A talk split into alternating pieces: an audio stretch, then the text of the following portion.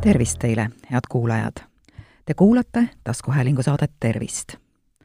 minu nimi on Aive Mõttus, olen Maalehe ajakirjanik ja tervisetoimetaja. tänases saates räägin ma ühest ohtlikust silmahaigusest. selle haiguse nimi on glaukoom ehk rahvakeeli roheline kae glaukoom on üks sagedasemaid pimedaks jäämise põhjuseid üle neljakümneaastaste inimeste seas ja üldse kõige sagedasem pimedaks jäämise põhjus kogu maailmas. tegemist on kroonilise nägemisnärvi kahjustusega, mille käigus saavad nii-öelda pihta nägemisnärvi närvikiud ja ganglionirakud.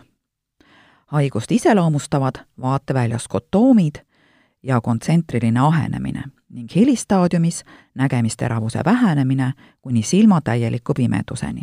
mis see skotoom on?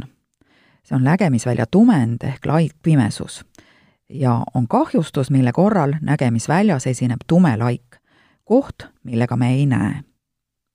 enamasti kaasneb glaukoomiga kõrgenenud silma siserõhk, mis ongi põhiliseks riskiteguriks nägemisnärvi kahjustuse väljakujunemisel silmas toodetakse läbipaistvat vedelikku, mis iirise serva lähedal olevate kanalite kaudu silmast ära voolab.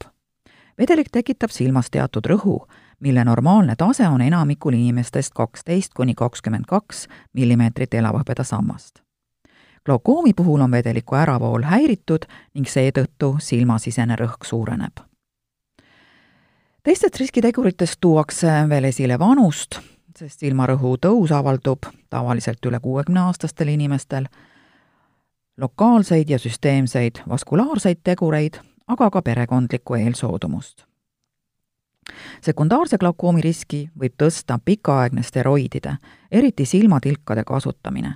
seetõttu peaksid inimesed, kes kasutavad deksametasooni baasil silmatilku, näiteks allergilise silmapõletiku korral, kaks korda aastas silmarõhku kontrollima glaukoomi nimetatakse ka vaikseks nägemise vargaks, kuna sageli ei põhjusta haigus algstaadiumis valu ega mingeid märgatavaid nägemise muutusi, rääkimata siis muudest sümptomidest.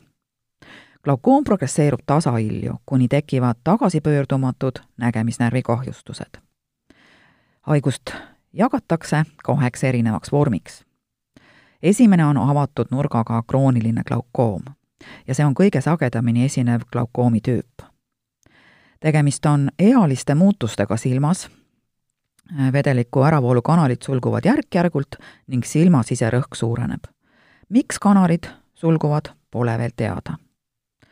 suurenenud rõhk silmas kahjustab närvirakke, mis kulgevad võrkkestas, kuni need lõpuks hukkuvad kõrge rõhk surub ka väikestele võrkkestas kulgevatele veresoontele ja vähendab nendes verevoolu Nende veresoonte ülesandeks on aga toita nägemisnärvi ning verevoolu vähenemise tulemusena jääb nägemisnärv toitaineteta ja taandareneb.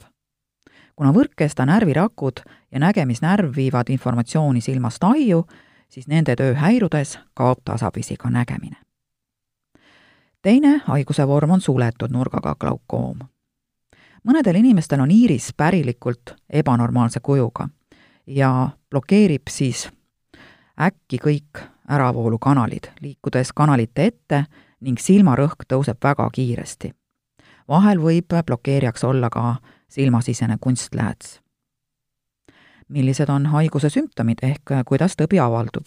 avatud nurgaga glaukoomi puhul on nägemiskladu järk-järguline ning nägemine hägustub.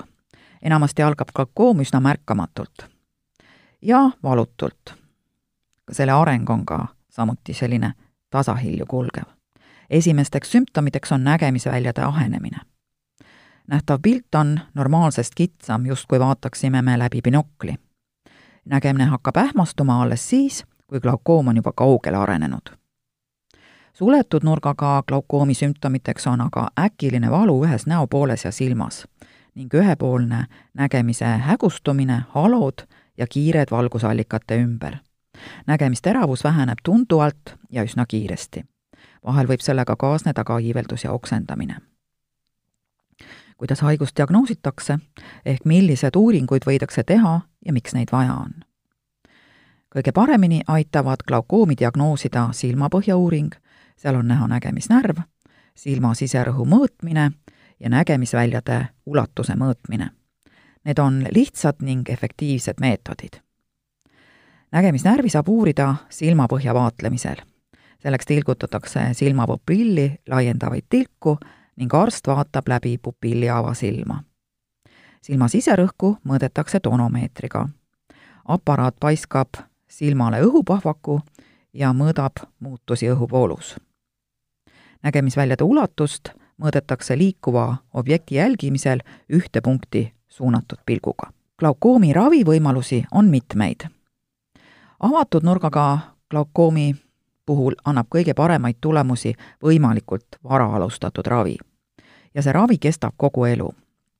ning ravi põhimõtteks on alandada silma siserõhku ja hoida seda normaalsel tasemel. kõigepealt silmatilgad.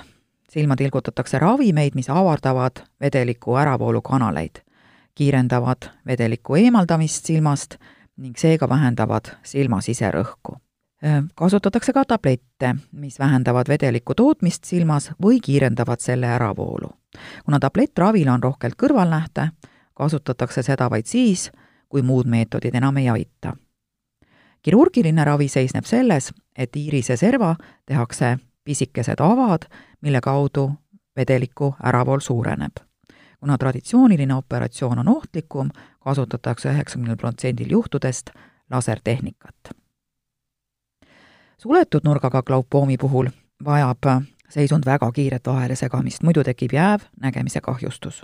silma siserõhk tuleb siis väga kiiresti langetada ja kõigepealt tilgutatakse silma rõhku alandavaid tilku ning seejärel hakatakse suruma sarv kestale, et rõhu abil kanalid avada ja vedelik voolama panna. selle protseduuri ajal kontrollitakse iga viieteistkümne minuti järel silma siserõhku kui ka siis paranemist ei toimu, võidakse lisada veel mõned silmatilgad ja tablettravi.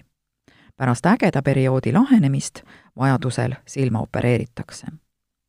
sellisel juhul lõigatakse iirist väiksemaks, et see vedeliku äravoolukanaleid ei blokeeriks. nagu mitu korda juba öelnud olen, on glaukoomist tekkinud nägemiskahjustus pöördumatu ning seetõttu on oluline võimalikult varane diagnoosimine ja ravi on täheldatud, et inimestel, kelle lähisugulaste hulgas on esinenud glaukoomi, on suurem tõenäosus ka ise haigestuda. ning suurem risk on ka tugevalt lühinägelikel inimestel ja diabeetikutel.